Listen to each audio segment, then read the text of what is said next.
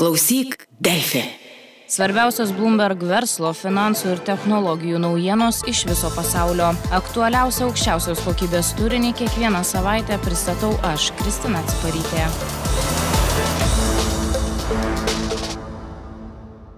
Julianas Assange'as - didžiausia grėsmė valstybinėms paslaptims. Kadaise Julianas Assange'as buvo eilinis koledžo hakeris, bet vėliau paleido Wikileaks ir tapo vienu žinomiausių ir įtakingiausių žmonių pasaulyje.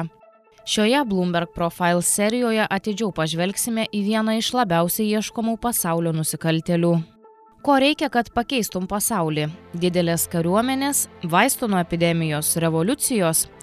Visam tam reikia krūvo žmonių, tūkstančių valandų arba galybės erdvės o štai Julianui Assange'ui užtenka vieno kambario ir interneto ryšio.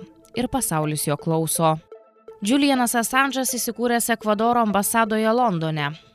O jei tiksliau, būtent iš šios lokacijos jis platina vyriausybių paslaptis ir įslaptintus dokumentus, bei skaito galingiausių pasaulio žmonių elektroninius laiškus.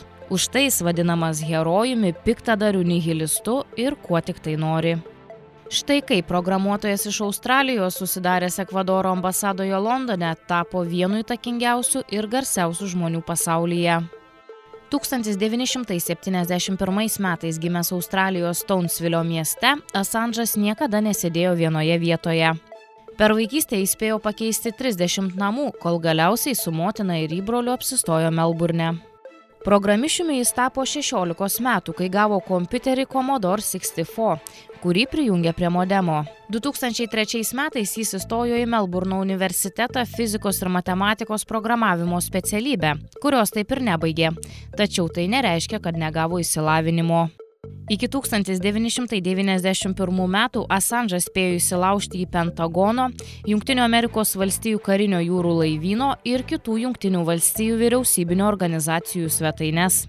96 metais jį sulaikė Australijos federalinė policija ir apkaltino daugiau nei 30 įsilaužimų ir kitų su kompiuteriais susijusių nusikaltimų. Į kalėjimą vaikinas nesėdo, bet gavo 2100 dolerių baudą. Jaunojo programuotojo pomėgis įsilaužinėti į vyriausybės sistemas išpranašavo tai, ko sulaukėme vėliau ir ką galime vadinti sveiku skepticizmu vyriausybių technologijas naudojančių ne vien geriems tikslams atžvilgiu sakė Vernonas Silveris iš Bloomberg tyrimų komandos. Programišiaus patirtis padėjo pamatus Wikileaks įkūrimui 2006 metais. Tai kasgi tas Wikileaks? Tai tinklalapis viešinantis nefiltruotus, dažniausiai įslaptintus dokumentus, kas jį skiria nuo įprastos žiniasklaidos. Čia nėra jokios redakcinės hierarchijos. Imkime, kad ir New York Times. Gaunama informacija redakcijoje apdorojama, supakuojama ir išplatinama visuomenės dėmesiui. O Wikileaks apseina be redaktoriaus darbo. Anot Vernono Silverio. Wikileaks didžiąją informacijos dalį gauna iš anonimų, taigi jų darbas labai paprastas. Per vieną galą informacija priimama, per kitą išplatinama, kartais beveik neapdorojant. Jiems vadovauja Julianas Assange'as, žmogus sugalvoja šį projektą ir laikantis save jo vyriausiųjų redaktoriumi. Kiekviena istorija turi šaltinį, o Assange'as turi ryšius su neįliniais šaltiniais. Bloomberg View apžvalgininkas Eli Leikas sakė, Kiek mums žinoma, Assange'as į tinklalapius neįsilaužinėja, jis gauna informaciją iš žmonių dirbančių sistemą ir turinčių slaptų dokumentų ar nutekintų užsienio politikų elektroninių laiškų. Vertingiausias Juliano Assange'o šaltinis Chelsea Manning, kadaise žinoma kaip Junktinių Amerikos valstijų karys Bradley Manningas. 2010 metais Chelsea Manning Julianui Assange'ui ir Wikileaks pateikė šimtus tūkstančių nutekintų vyriausybės dokumentų. 2010 m. vasarį Wikileaks tuos dokumentus pradėjo tyliai viešinti, o balandį atsidūrė antraštėse išplatinę tai, kas dabar žinoma kaip šalutinė žmogžudystė. Tai buvo ryškus detalus vaizdo įrašas pakeitęs požiūrį į Irako karą. Po šio įrašo Wikileaks plačiai išgarsėjo. Sakė Vernonas Silveris iš Bloomberg tyrimų komandos. Ir tai buvo tik pradžia. Vėliau jie išplatino daugiau nei 90 tūkstančių karo dokumentų, žinomų kaip Afganistano karo kronikos. 390 tūkstančių dokumentų žinomų kaip Irako karo kronikos ir ketvirtį milijono asmeninių diplomatų žinučių, žinomų kaip kablogramos. Šie nutekinimai sukėlė daug etinių klausimų. Kai šios kablogramos buvo paviešintos, daugybė konfidencialių JAV diplomatų šaltinių susidūrė su realiu pavojumi atskleidus jų pavardės. Pasakojo Elileikas iš Bloomberg. O valstybės sekretorė Hillary Clinton pabrėžė, kad Visos šalys, įskaitant ir Junktinės valstijas, privalo atvirai kalbėti apie žmonės ir tautas, su kuriomis jos turi reikalų. Netrukus po kablogramų paviešinimo Švedijos vyriausybė išdavė leidimą Sandžą suimti, kaltinant prievartavimu ir tvirkinimu. Jis pareiškė, kad kaltinimai sufabrikuoti siekiant jo ekstradicijos į Junktinės valstijas, tačiau Junktinių Amerikos valstijų vyriausybė tai paneigė. Bet kuriuo atveju kitas Asanžo žingsnis anot Vernono Silverio buvo Ieškoti prieglapščio Ekvadoro ambasadoje, tai tapo naujų jo gyvenimo skirsnių privertusių ilgam strikti Londone. Laikinas biuras ambasados patalpose virto paties susikurtų kalėjimų, kuriame Assange'as susidarė sėdi po šiai dienai. Tačiau tai nereiškia, kad jis nuleido rankas.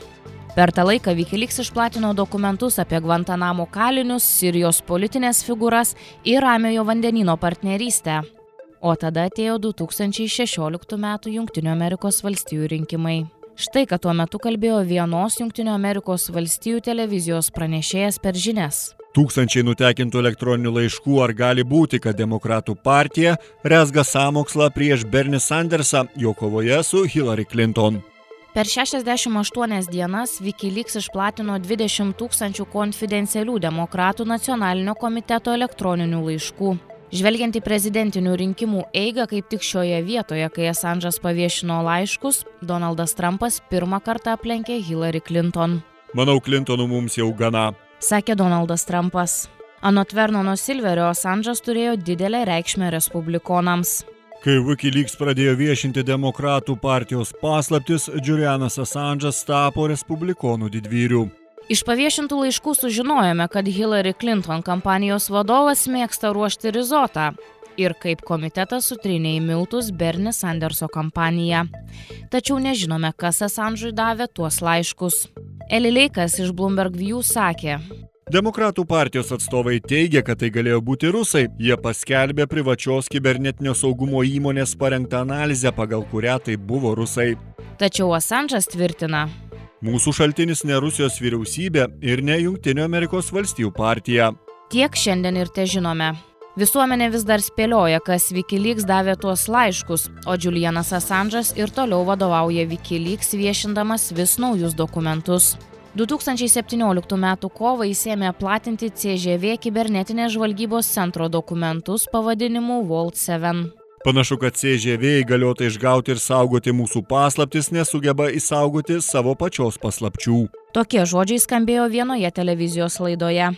Taigi, kol Assange'as palaikys ryšių su išoriniu pasauliu, jokios valstybinės paslaptis nebus saugios. Assange'as vis dar ambasadoje, gal jis išeis, gal ne, tačiau jo darbas jau vis tiek padarytas. Jis pakirto žmonių pasitikėjimą valdžia, jų požiūrį į savo pačių paslaptis ir jų saugumą. Jo dėka pasaulis iš tiesų pasikeitė. Apie vieną labiausiai ieškomų pasaulio nusikaltelių kalbėjo Bloomberg tyrimų komandos apžvalgininkas Vernonas Silveris. Klausyk, Delfi.